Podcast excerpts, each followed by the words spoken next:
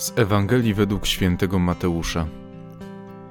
Jezus przyszedł z Galilei nad Jordan do Jana, żeby przyjąć od niego chrzest. Lecz Jan powstrzymywał go, mówiąc: To ja potrzebuję chrztu od ciebie, a ty przychodzisz do mnie? Jezus mu odpowiedział: Ustąp teraz, bo tak godzi się nam wypełnić wszystko, co sprawiedliwe. Wtedy mu ustąpił. A gdy Jezus został ochrzczony, natychmiast wyszedł z wody. A oto otworzyły się nad nim niebiosa i ujrzał Ducha Bożego stępującego jak gołębica i przychodzącego nad niego. A oto głos z nieba mówił: Ten jest mój syn umiłowany, w którym mam upodobanie.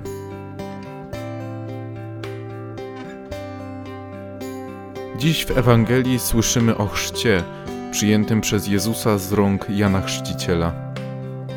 Syn Boży w pokorze udaje się do człowieka, aby wypełnić literę prawa.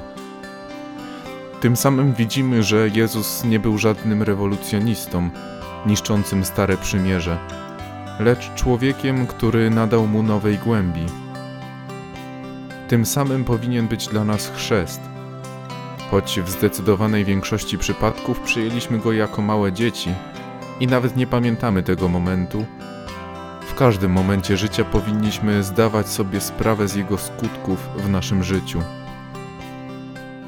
Chrzest jest dla nas jakby wyłomem z życia doczesnego do życia wiecznego, pomostem zarzuconym między nami a Bogiem, wyrwaniem z niewoli świata, do wolności dziecka Bożego, otwarciem na piękne i twórcze działanie Boga w naszym życiu.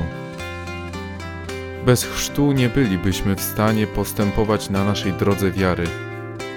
Błąkalibyśmy się jak zagubione dzieci we mgle. Chrzest jest światłem, który pokazuje nam, którędy i dokąd należy w tym świecie iść. Zdaje się nam mówić: Patrz, żyjesz tutaj na świecie, ale namaszczenie na czole wskazuje ci, że jesteś umiłowanym synem Boga, w którym On ma upodobanie. Jesteś Jego dzieckiem, przeznaczonym do życia wiecznego w szczęśliwości, razem z Trójjedynym. Twój znak na czole przypomina Ci, że nie jesteś przeznaczony do śmierci, ale do życia. Życia wiecznego.